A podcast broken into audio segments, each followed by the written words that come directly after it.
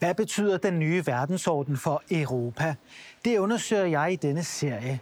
I det her program ser vi nærmere på forholdet mellem EU og Rusland, der har været præget af strid og konflikt siden krisen i Ukraine. Spørgsmålet er, hvordan EU skal forholde sig til Rusland fremover, og hvem der er skyld i den meget splid. Det diskuterer jeg med mine to gæster. Mit navn er Christian Folager. Velkommen til.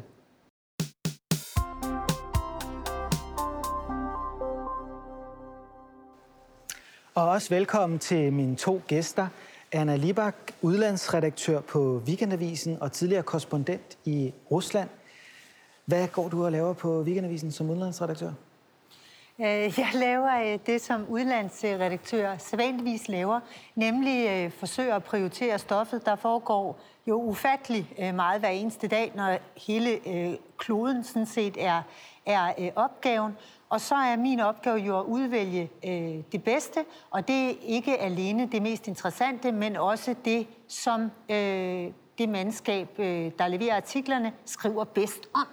Så det er min opgave. Det er at sammensætte en avis på udlandsstoffet, øh, som, øh, som folk øh, øh, har lyst til at læse. Ja, og også velkommen til dig, Flemming Rose, øh, journalist, også tidligere korrespondent i Rusland, og i dag øh, senior fellow ved Cato Institute. Øh, hvad laver du for Cato Institute?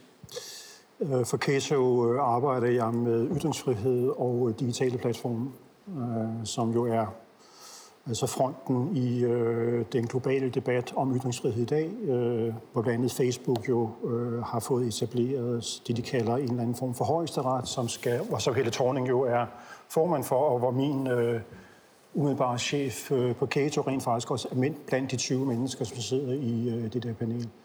Og derudover så hygger, hygger jeg mig lidt til at skrive for Anna, når jeg har tid til det. Øh, på Weekendavisen, jeg laver nogle interviews øh, med mennesker, jeg synes er interessante. Ja, og jeg har jo inviteret her, fordi I har et meget stort kendskab til Rusland. Og forholdet mellem EU og Rusland har været præget af splid og konflikt siden øh, krisen i Ukraine. Men jeg vil starte med at tage os tilbage til tiden efter den kolde krig. Der var en meget kendt amerikansk kommentator, Charles Krauthammer, som i den forbindelse skrev, at vi nu var trådt ind i en ny æra. Han kaldte det den unipolære verdensorden, som ligesom stod i modsætning til den bipolære under den kolde krig, hvor du havde USA over for Sovjetunionen. Nu sagde han, havde man USA alene som den store supermagt, der også kunne handle og projicere sin magt globalt. Og han mente, at USA burde udnytte det her vindue i historien til også at gøre det, til at sætte sin vilje igennem. Hvordan har russerne opfattet den her unipolære verdensorden? Øh, for det første, så sagde han ikke unipolær verdensorden, men han sagde the unipolar moment. Ja, det er selvfølgelig. Øh, og det antyder jo på en eller anden måde, at det er forbigående. Og, øh, og det unipolære øh, moment eller øjeblik, øh, det ligger i fortiden allerede. Øh, tilbage i 1992 eller 89-90, da han talte om det her, der var, der var Sovjetunionen jo øh, alene opslugt af øh, interne problemer.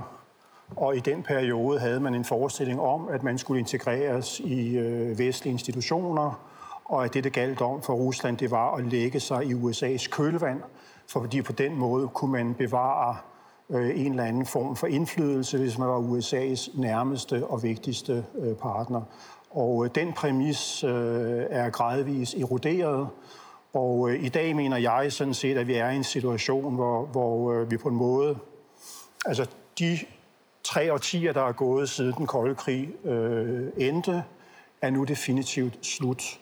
Og vi står på tærsklen til en ny epoke, øh, som jeg synes, man meget metaforisk kunne se, da EU's øh, udenrigskoordinator øh, Josef Borrell var i Moskva for nylig, øh, at, øh, at, at, at EU, som jo på en eller anden måde repræsenterede fremtiden, at vi alle sammen skulle blive ligesom EU på et tidspunkt, eller hele verden skulle blive ligesom EU, at den tid er slut, og der eksisterer ikke længere en meningsfuld politisk dagsorden i relationen, øh, i relationen mellem EU og øh, Rusland. Det er simpelthen slut.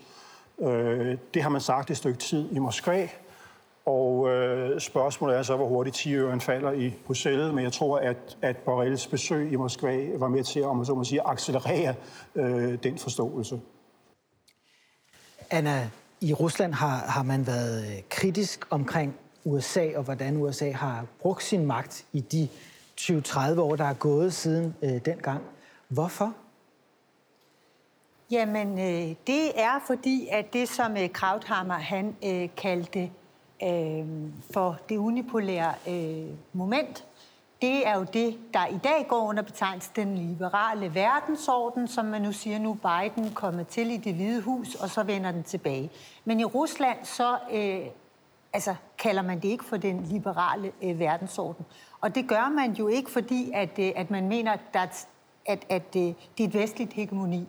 Øh, det liberale verdensorden, det er en periode på cirka 25 år efter murens fald, hvor Vesten øh, søgte at, øh, at dominere resten af verden med sine værdier, øh, som nu var øh, universelle, det vil sige øh, hele verdens værdier. Og øh, der er det ved Rusland, øh, at, øh, at, og russerne, at de i lighed med amerikanerne faktisk, og helt i modsætning til danskerne, har en selvforståelse, som er, at de skal spille en øh, ledende rolle i verden. Det vil sige, at de har noget at byde på, altså de er exceptionelle, kan man sige. Øh, de har en mission i verden, og det vil sige, at hvis der foregår store begivenheder, så er deres første tanke egentlig, øh, hvordan skal vi reagere på det her? Der fordres handlinger også. Vi skal forholde os til det. Og det er noget, som øh, selv Sovjetunionens sammenbrud ikke øh, kunne ændre øh, på. Øh, og, øh, og, og det betyder, at de naturligvis ikke på noget tidspunkt er gået ind for en verdensorden, øh, hvor øh, de værdier, de havde, det pludselig viste sig at være vestens, og de så at sige skulle være en copycat, en østlig copycat. Det går de ikke øh, med til. Hvis, hvis vi tager Danmark for eksempel, så øh, har Danmark jo en helt anden selvforståelse. At vi har en selvforståelse, hvordan kan vi undgå at blande os i det her? Det er helt det modsatte. Det har vi set i Nordstrøm øh, 2, hvor vi spiller fuldstændig døde.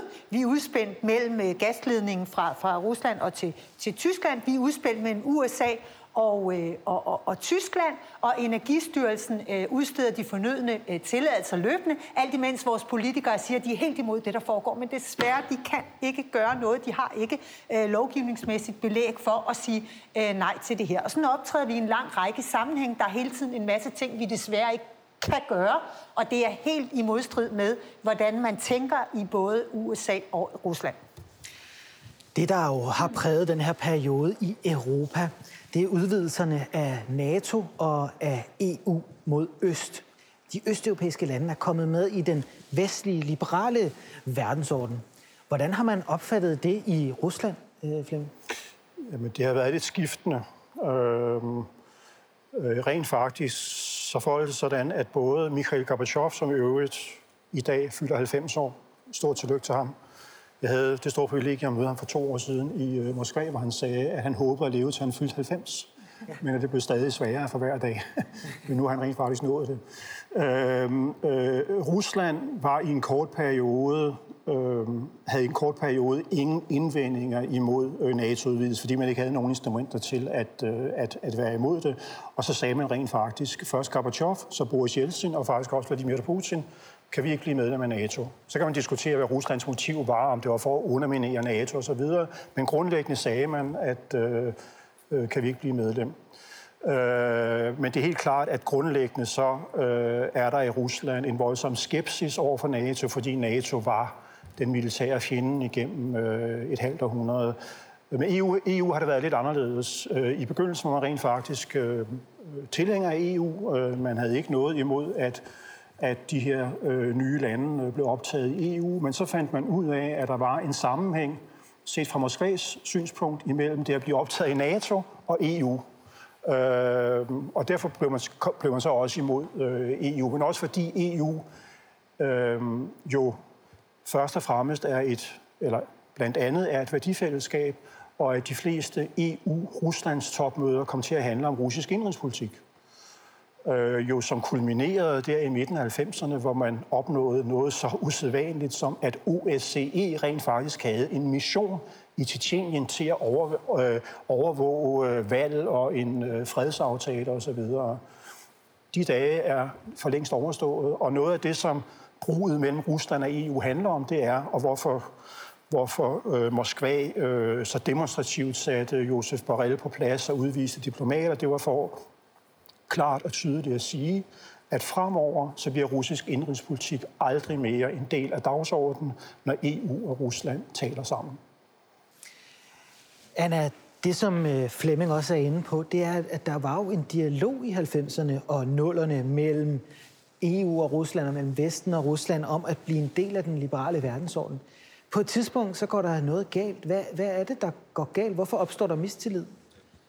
Jamen, øh, det gør der, fordi at øh, der både, øh, vil jeg sige, både i, i vest og i øh, øst fejllæser man situationen.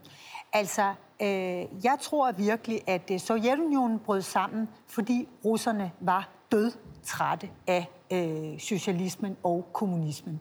De ville ikke det længere. Hvad var det alternativ? Øh, der tegnede sig øh, for dem, og som de i årtier havde øh, haft blikket stift rettet imod, jamen det var den vestlige kapitalistiske verdensorden. Og derfor tror jeg, fordi jeg rejste selv derover lige før Sovjetunionen øh, øh, brød sammen. Jeg rejste over første gang i, i 90, og jeg boede også øh, i Leningrad i tre måneder i øh, 91. Og jeg kan huske, at man blev virkelig fagnet og folk var virkelig, øh, og det var også i provinsen, folk var helt vilde med en, fordi man repræsenterede noget, de gerne ville, og de var helt uforbeholdende, elskede de løs på en. Jeg har faktisk aldrig øh, oplevet noget øh, lignende, vil jeg sige. Ikke? Så jeg vil sige, de ville gerne være som os, fordi de ikke havde set i øjnene, at de jo har haft en selvforståelse historisk, som der jo også er belæg for, hvis du kigger på et kort. Det er verdens største land geografisk, ikke? Øh, at, at de har en selvforståelse som en, en øh, kultur i egen ret. En af verdens store civilisationer, som skal bidrage med et selvstændigt input til det, der foregår. Og det, øh, altså, de signalerede, at nu vil de gerne indtræde i den vestlige verdensorden, og vi forstod det sådan, og ønskede også selv at forstå det sådan, at vi havde vundet. De havde overtaget vores værdier. De skulle blive ligesom os. Så vi sendte jo vores økonomer øh, der, der, derover, og, øh, og alting handlede om, i hvilken takt Rusland ville bevæge sig mod at blive ligesom os. Og det utrolige er, at det har det jo faktisk gjort indtil for nylig. Altså, du har jo siddet og kunne høre i debatter, at man siger, ah, at vi skal også have tid skal også have tid. Og det er jo egentlig også med Kina, ikke? Fordi det var jo det, der var en del af det unipolære moment. Det var en forestilling om, at markedet, som trænger frem, øh, demokratiserer, jo mere samhandel der er mellem øh, landene, jo mere vi rejser og blander os med hinanden og bliver integreret i hinanden, jo mere øh, får vi de samme værdier og opfører os ens. Og de samme værdier, det var øh, de, de vestlige værdier. Så det, der gik galt, det var, at Rusland forstod, og det gjorde man jo allerede i forbindelse med, med krigene på, øh, på, på Balkan, øh, hvor Jeltsin læste øh, NATO's bombardement anderledes end NATO øh, selv gjorde, da serberne blev bumpet. Det brød han sig jo ikke om. Øh, der, øh, jamen altså, så kan du sige, at så faldt øh, skældene fra øjnene, og, og de forstod, at, at det var et tilbud om og, øh, at blive ligesom som Vesten. Og det tilbud sagde de nej til, og vi forstod også, at hvis, de, hvis vi først lukkede dem ind i de vestlige institutioner, så ville de forsøge at, øh, at overtage de, de institutioner og ændre dem fundamentalt. Og det er faktisk det, der er sket i nogle af de institutioner. Det er bare ikke primært øh, Rusland, der har forledet det. Med Kina, altså du kan jo tage øh, FN's Sikkerhedsråd, ikke?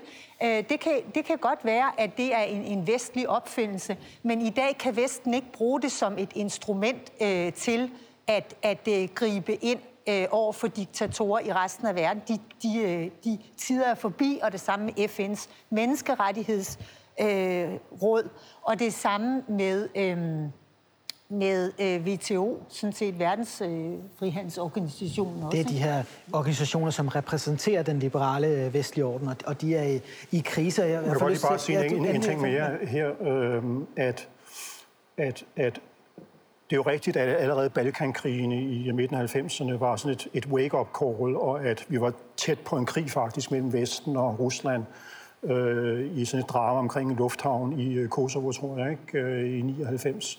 Øh, men, men, men helt ind til, altså lige før øh, øh, dramaet om Ukraine i 2014, øh, blev, blev Moskva ved med at tale om det her rum fra Lissabon til Vladivostok. Øh, at, at, at, at selvom der prakt, i praksis ikke skete noget, så fortsatte man med at tale som om, at, øh, at der skulle være et eller andet fælles rum her.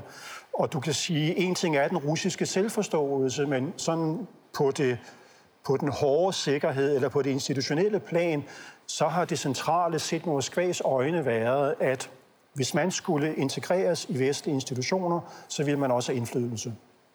Og, og det store problem set fra Moskvas synspunkt er, at man aldrig er blevet medlem hverken af EU eller NATO, de to europæiske institutioner, hvor alle de vigtigste spørgsmål om, hvad der foregår i Europa, bliver truffet. Men det har taget utrolig lang tid, og det har selvfølgelig også noget at gøre med, at, nu, at der nu er en intern krise i EU. Altså i omkring år 2000, der, øh, der, der troede man i Moskva, at EU kunne blive en geopolitisk aktør på linje med øh, USA og i dag Kina, øh, mens at i dag ser det ud fra Moskva, som om EU er en institution, som er i dyb krise, og at tiden arbejder for øh, Rusland. Samtidig med, at magten er ved at flytte til Asien, øh, og at den integration øh, og forbindelse, som man ikke kan få med EU, den øh, søger man nu i øh, øst. Og, og noget af det overraskende, måske set med vestlige øjne, er, hvor nær relationen mellem Kina og Rusland rent faktisk er blevet. Øh, altså jeg kan huske for, for 5-10 år siden, når jeg talte med europæiske diplomater, de troede aldrig nogensinde på, at Rusland og Kina kunne komme tættere på hinanden, fordi der er et historisk Øh, Øh, modsætningsforhold, og fordi Rusland ville have svært ved at acceptere rollen som lillebror øh, i den relation. Men alligevel så er integrationen, altså forbindelserne bare fortsat og fortsat sådan, at Kina i dag rent faktisk er Ruslands største samarbejdspartner. For 10 år siden, der var det Tyskland. Og det håber jeg, vi kommer ind på også senere, fordi Putin har for nylig sagt, at han ikke udelukker en alliance med Kina, og det er jo formentlig en del af det her spil også om, øh, hvordan man skal danne alliancer i den nye verdensorden. Inden vi bevæger os videre, så vil jeg også, også høre, altså et er jo netop det her med at få indflydelse. Altså er det det, der også er en del af krisen i forhold til, at der er opstået den her splid mellem Rusland og, og EU? at interessen fra EU har heller ikke nødvendigvis været reel, fordi hvis man lukkede Rusland ind, lukkede man også en meget, meget stor magt ind, som ville kunne ændre hele magtstrukturen i EU. Altså, har, har, har EU reelt ønsket at få dem med, eller har vi ønsket at skulle dominere dem? Øh, altså det, som vi har øh, ønsket fra øh, EU's side, det er, at, øh, og, og det er det, som hele den vestlige verden ønskede sig efter øh, Sovjetunionens øh, sammenbrud og også øh, efter murens fald, det var, at lande selv kunne få lov til at vælge deres sikkerhedspolitiske fremtid. De kunne selv få lov til at vælge, hvilken samfundsmodel de gerne vil have. For det her handler ikke kun om militære alliancer. Det handler simpelthen om, hvad for en type stat har du. Og det kan vi se, fordi de lande, der er, øh, både de lande, der er en del af Sovjetunionen, nemlig Baltikum, men også dem, der var i Varsava-pakten, alle de østeuropæiske lande, der er blevet, øh, der er, er, er blevet øh, lukket ind i EU, de har ændret sig radikalt. Ja, jeg ved godt, der er problemer i Polen øh, og Ungarn, men jo slet, slet ikke i forhold til lande, som ikke er blevet optaget øh, i EU. Jeg vil sige, at Polen øh, og Ungarn, der er mangler, der er utilstrækkeligheder, men øh, der er, det, det er grundlæggende blevet til øh, retsstater. De afviger fra en norm, som man kan kritisere dem for. Før var normen en, øh, en helt anden. Så det, man mente efter, øh, efter murens fald, det var, at nu står vi i en verden, hvor lande, mindre lande, tidligere sovjetrepublikker, Ruslands naborepublikker, som var en del af Sovjetunionen, de frit selv kan vælge, hvem de hører til. Og det mener jeg jo er rigtigt, fordi jeg bor i et lille land, og jeg er nabo til et stort land, øh, så jeg holder af det princip, at det må man selv bestemme. Så det, det, det, det som EU og, øh, og Rusland øh, grundlæggende er uenige øh, om i dag, det er, hvorvidt lande som Ukraine og øh, Moldova og Georgien, de øh, har, har mulighed for selv at, øh, at, at vælge, øh, hvilke lande de, de gerne vil være. Og jeg mener ikke, vi skal købe den russiske øh, fortælling om, at øh, EU er øh, i opløsning, fordi jeg tror, at russerne opfatter EU som en trussel. Det er derfor, jeg tror, at de gør sig alle disse bestræbelser for at, øh, at, øh, at ydmyge øh, Borrell arbejder rigtig, rigtig meget på at føre, øh, de, få de bilaterale aftaler med de store øh, EU-lande. Det er, fordi de ønsker ikke at stå over for et samlet EU, som kan dis- øh, diktere alt, eller banke dem i hovedet med menneskerettigheder, eller diktere fælles øh, øh, gaspriser. Øh, det har i hvert fald været strategien, øh, når man ser ud fra... Øh, altså, altså, øh, ja. øh, Altså man kunne ønske, at det var sådan, øh, men det tror, jeg simpelthen ikke, det tror jeg simpelthen ikke er tilfældet. Jeg tror sådan set, at den, altså, at den, den russiske opfattelse af EU er genuin set fra deres synspunkt. Og når du taler med europæiske diplomater i dag, øh, så understreger de jo igen og igen, for eksempel det her vaccineballade og øh, balladen omkring fordelingen af flygtninge i 2015, øh, at vi skal hele tiden huske på, at EU er en samling af selvstændige nationer.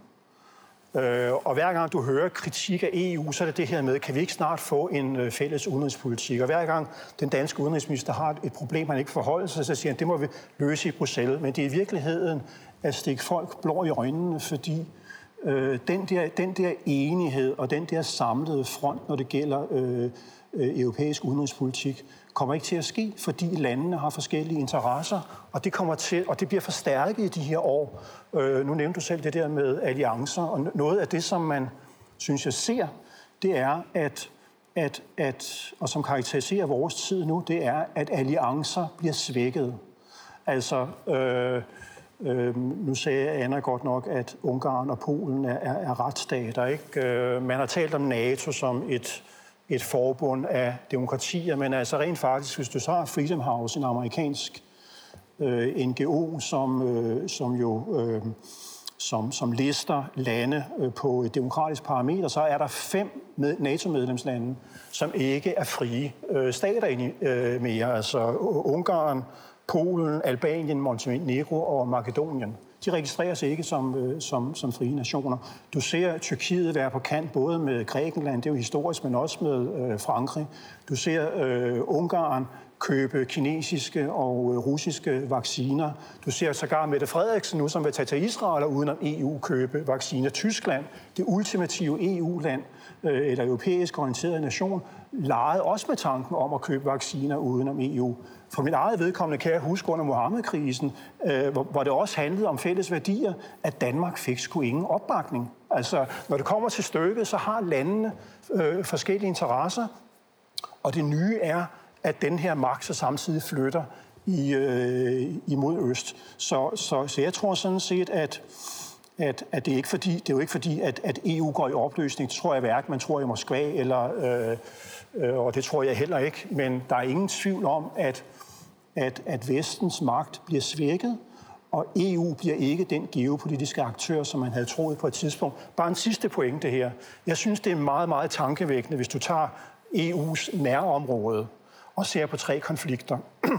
øh, Nagorno-Karabakh, hvor der lige har været en krig imellem Armenien og Azerbaijan, øh, i Libyen og i Syrien.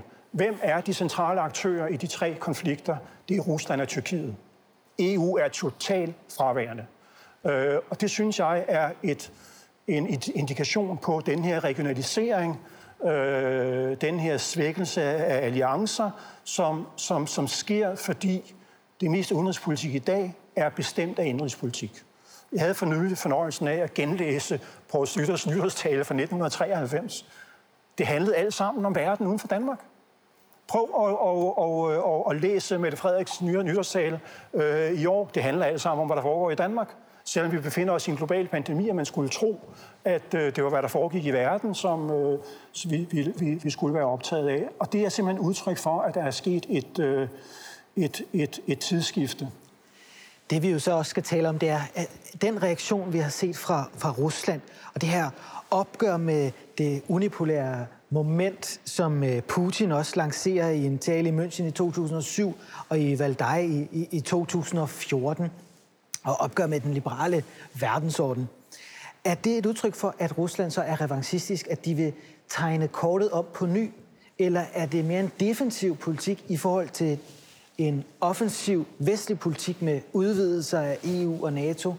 Øh, ja, altså jeg kan godt lide den måde, du, du øh, stiller spørgsmålet på, når du karakteriserer det som en offensiv, at EU på ønske fra nogle lande optager disse lande.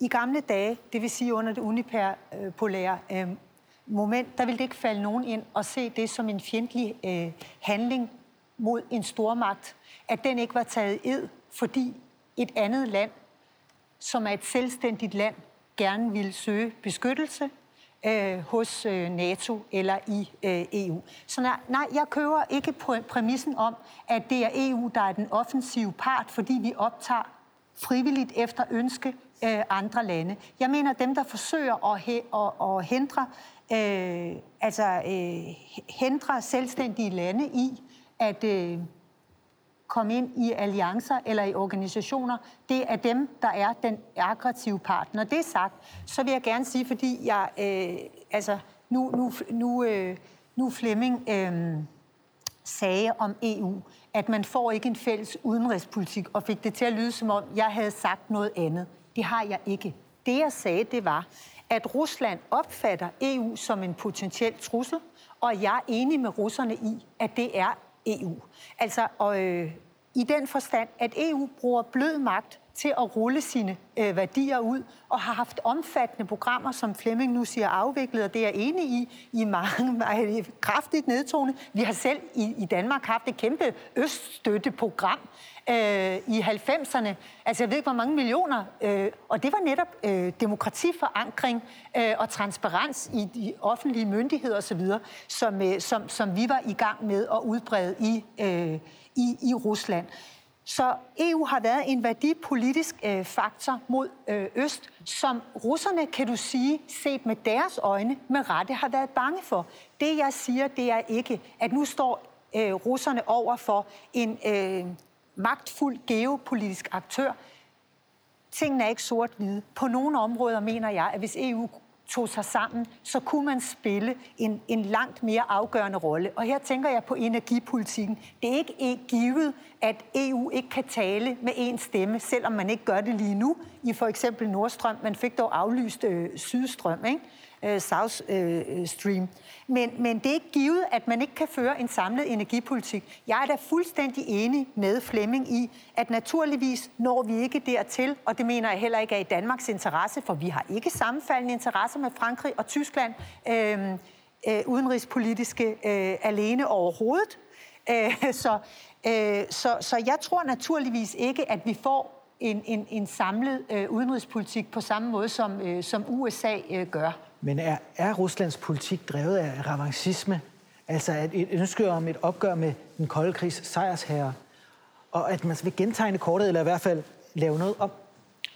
Æh, Rusland forsøger at øge sin magt i verden. EU forsøger at øge sin magt i verden. Jeg holder med EU, og det gør jeg, fordi at øh, jeg tror på demokratiet. Jeg tror på, at lande skal øh, have mulighed for at øh, blive demokratiske øh, retsstater, og at store magter, der forsøger at nægte dem det, det skal vi kæmpe imod.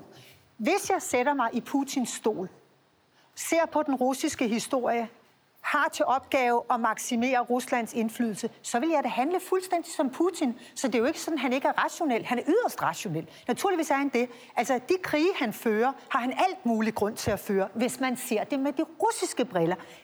Altså, det er sådan, Bush, han nåede lige, inden han gik af, så når han lige at sige, at vi vil optage Ukraine, og vi vil optage Georgien i NATO. Ikke? I 2008. Hvor dum kan man være? Enten optager du dem nu, og så er du klar til at sætte fly på vingerne for at forsvare det, hvis russerne angriber, eller også så inviterer du da russerne til at forhindre, at det sker. Hvad sker der samme år? Der kommer en krig med Georgien. I dag er Georgien et land, som ingen nogensinde, hverken i EU eller NATO, vil røre ved. Det er kun problemer, ikke? Øh, jeg tror, det er 20 procent af det georgiske territorium, der øh, de facto er kontrolleret af Rusland. Så tag Ukraine. Ja, dem har vi da heller ikke fået en evig krig, annekteret Luthers stridigheder. Altså det er to, og nu Flemming, jeg ved, han elsker at sige fejlslagende stater, som jeg ønsker det bedste for. Øh, og, men det er sgu russernes skyld, at de er øh, fejlslagende. Og vi har et medansvar i Vesten, fordi vi inviterede russerne til at gøre det. Og jeg tror da, at Putin gjorde det. Han angreb da Ukraine, og han holder krigen i gang, fordi at han kan da ikke have, at der kommer en NATO-base i Sevastopol. Det vil da svække Rusland, hvis man kigger på et kort fuldstændig vanvittigt meget, at der blev stationeret atomvåben der. Altså, så var de da færdige. Så så, så du får mig ikke til at sige, at vi har en gal mand øh, i Kreml, fordi det har vi ikke. Du får mig bare til at sige, at jeg vil stå på til evig tid, at små lande har ret til, hvis de vil, at søge optagelse i EU og NATO. Vel har de så. Hvordan, ja, ja, ja, fordi jeg tænker, Flemming, er du enig? Altså, hvordan ser du Ruslands politik? Er den drevet af, af en revanchisme? Jamen, øh, jeg mener ikke længere, det, det giver mening at tale om revanchisme på grund af det, jeg sagde i begyndelsen, at, øh, at, at, at, at 25 års russisk politik øh, forsøg på at få en fod indenfor i, og indflydelse på, hvad der foregår i øh, Europa, øh, er der slået en streg over, øh, og så et, kører man med bilaterale øh, relationer og sagt, man er parat til at øh, afbryde den politiske dialog med EU. Øh, du kan så sige, at det kan være et spil for galleriet, men, men grundlæggende så er det det, der menes. Øh, men omkring Ukraine og det der med fejlslagen stat, øh, altså det kommer ind på, hvordan man definerer det. Øh, øh, den måde, en, en måde at definere det på, det er jo, at, at definitionen på en fejlslagen stat, det er, at man ikke kontrollerer sit eget territorium. Og i den forstand er Ukraine jo en fejlslagen stat, og det er Georgien også, og Moldova. Øh, og det hører med til historien om Georgien. Anna siger, at Rusland kontrollerer 20 procent af Georgiens territorium. Men problemet er jo, at før 2008, der kontrollerede Georgien heller ikke øh, altså Abkhazien og Sydossetien. Og der er en forhistorie der, hvor du kan sige, at Georgien har opført sig imperialistisk i forhold til små øh, mindretal i sin egen region, og hvor russerne så har spillet en del af herskpolitik øh, øh, for at få mest indflydelse. Men der har været reelle øh, etniske konflikter imellem georgier og abkhazer og georgier og ossetere. De har været i krig med hinanden. Så jeg forstår godt, at hverken Abkhazien eller Øh, Sydossetien har lyst til at blive underlagt øh, Tbilisi øh, igen, fordi det er, det er de dårlige øh, erfaringer med. Men, men omkring det der med revanchisme, altså jeg, jeg mener ikke længere, det giver mening, at, at, fordi det forudsætter jo, at du ønsker på en eller anden måde at vende tilbage til sådan, som øh, situationen var i 1991. Øh, det er Kreml slet ikke øh, i dag, at virkeligheden er så meget øh, anderledes, at, at det giver mening. Selvfølgelig ønsker Rusland indflydelse, ligesom Kina, USA og Tyskland og Frankrig øh, øh, gør det. Og du kan sige, man kunne måske sige for 10 år siden, eller for 15 år siden, at, at, at Rusland var øh, revanchistisk. Jeg synes, det er et skidt ord, fordi det, det skaber nogle, nogle, nogle dårlige øh, associationer. Ikke? Øh, men globalt set har Rusland, været en stat, har Rusland været en status quo-magt. Det er jo rent faktisk Vesten, der har ønsket at øh, ændre de globale spilleregler, så alle skulle spille efter den måde, som vi så verden på. Ikke? Og, og udnytte det unipolære Altså moment. glemmer du ikke så Sovjetunionen? jeg synes, da, jeg synes at der kan man da sige, der var det ikke så meget status quo.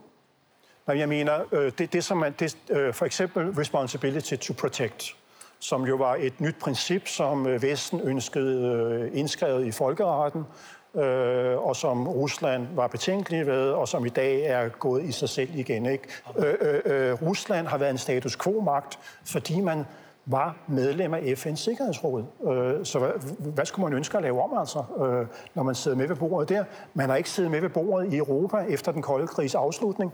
Det gjorde man før den kolde krigs afslutning, i hvert fald en del af Europa, ikke? og derfor ønskede man, øh, øh, altså forsøgte længere at få indflydelse og få en fod indenfor, men i dag orienterer man sig øh, andre steder hen. Øh, der findes en euroasiatisk øh, økonomisk union, som er Putins forsøg på at skabe et alternativ til øh, EU. Man har de her meget nære forbindelser med øh, Kina. Jeg vil, jeg vil sige også til, til Nord Stream 2, at, at noget af det, som ikke bliver sagt højt, men som i virkeligheden er en realitet, det er, at Tyskland har meget mere brug for Nord Stream 2, end Rusland har. Øh, det er, det er øh, Merkel, som øh, gav afkald på, at øh, på atomkraften øh, efter Fukushima i 2011. Øh, kul er så forurenende, at man er nødt til at afskaffe det, og naturgas er det reneste alternativ, øh, indtil man får tilstrækkelig øh, vedvarende øh, energi. Øh, Rusland, Rusland firdobler i øjeblikket altså sin, øh, sin gaseksport til Kina øh, sådan hvert år eller hver andet. Ikke? Øh, og der åbner sig helt nye markeder øh, derover, mens, mens, mens Tyskland og EU vil være afhængige af øh, gas eller olie frem til omkring 2050. Her til sidst, så vil jeg så spørger jeg, hvordan Europa så skal forholde sig til Rusland her i, i den næste del af det 21. århundrede, fordi nu har øh, Ursula von der Leyen jo annonceret den geopolitiske kommission, og vi laver den her programserie for at, at tale om, hvordan Europa skal så forholde sig til den nye verdensorden, hvor at, at de internationale alliancer igen hvad, er i spil. Hvad for en orden? Hvad ja, for hvad for en orden? Hvad er det også for en orden? En multipolær orden taler folk om.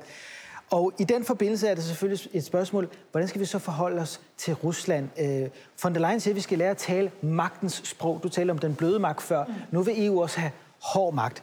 Men noget af det, der selvfølgelig også er i spil, er, hvordan de magtforholdene bliver på det eurasiske kontinent. Og som Flemming også nævnt, så er Putin jo øh, taler åbent om en mulig alliance mellem Kina og Rusland.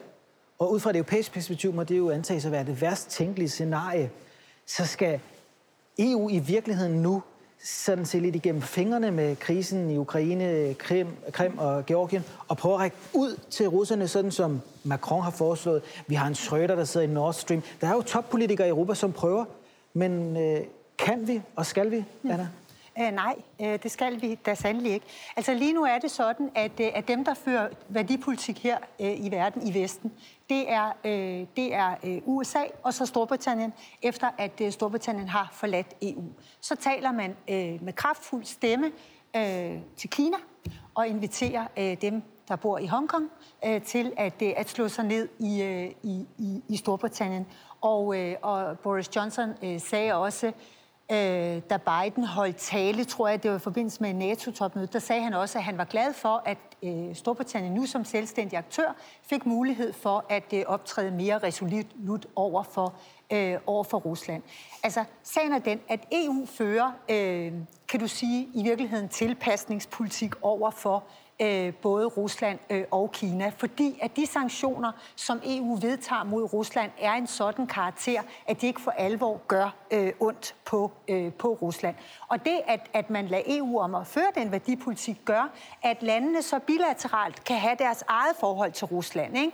og øh, Macron kan besøge øh, Putin, og øh, Merkel kan holde fast i sin, øh, i, i, i sin, øh, øh sin gasrørføring.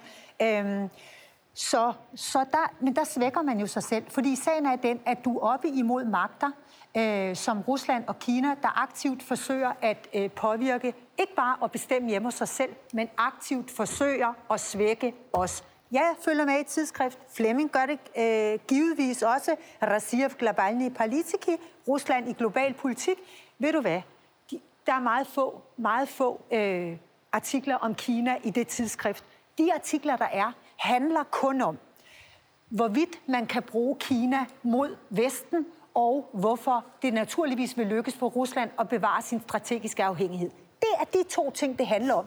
De er sygeligt fokuseret på Vesten som det kontinent, der skal svækkes. Kineserne de har ikke den slags tidsskrifter. Jeg kan i hvert fald ikke læse dem, fordi jeg ikke kan kinesisk. Men jeg kan se, hvad de foretager sig. Og her er det jo bare her i landet. Så må SAS ikke have på tavlen, at Taiwan er en selvstændig nation. Så er det det kongelige teater, der aflyser en forestilling. De er virkelig detal, øh, detaljregulerer øh, her. Så det, jeg vil sige, det er, tro ikke, at disse store magter, selvfølgelig skal vi være sammen diplomatisk og hele tiden føre, men tro dybest set ikke på. Det er magtpolitikere, der sidder der. De vil svække os, for det er et nulsomspil. Det er den prisme, de ser verden gennem, og det er på høje tid, vi selv begynder at se den på samme ja. måde. Og jeg vil gerne øh, en meget kort kommentar, Flemming, øh, fra dig. Det på, ja, men øh, vi, er, vi er ved at nå til vej sende. Vi bare, skal, skal vi alliere os med russerne? Er det, bør det være øh, de, europæ, de europæiske politikers mål her i Jamen det, Nej, det løb er kørt. Altså, øh, det kommer til at vare længe, efter min mening. Grundlæggende så mener jeg, jeg tror, det var øh, den amerikanske politolog øh, Robert Kagan, som sagde, the jungle grows back. Altså, vi, vi er tilbage i junglen, øh, apropos det der med øh, alliancer. Og jeg vil sige, nu nævner Anna øh, USA og, og, og, og Storbritannien. Hvis vi for eksempel tager Nordstrøm 2, hvor USA jo har været meget øh, højtråbende om nødvendigheden af at indføre sanktioner og at øh, stoppe det. Men det gør man altså samtidig med, at man i 2020 importerede dobbelt så meget russisk olie, som man gjorde i 2019. Nøjagtigt det samme skete i øh, 80'erne, hvor man havde den her sibirske øh, rørledning, som øh, Tyskland jo betalte for, og hvor Reagan øh, indførte sanktioner, men samtidig så ophævede øh, Reagan øh, øh, kornembargoen imod Sovjetunionen, fordi det var det valgløfte, han havde givet til amerikanske landmænd. Og det vil altså sige, at, at amerikanerne, når det kommer til stykket, så er de ikke selv parat til at betale, øh, hvad det koster, når det rammer deres egen økonomi. Og forskellen på øh, Europa og USA er, at USA stort set ingen økonomisk interaktion har med Rusland, mens de har Europa. Så derfor er det meget, øh, kan du sige, det er meget billigere for USA og, øh, at sidde på den høje øh, øh, øh, principielle øh, hest. Og jeg vil sige omkring Kina, der er det grundlæggende problem i forhold til den kolde krig, det er, at Kina er den største samhandelspartner i verden for 130 lande for flere lande end USA.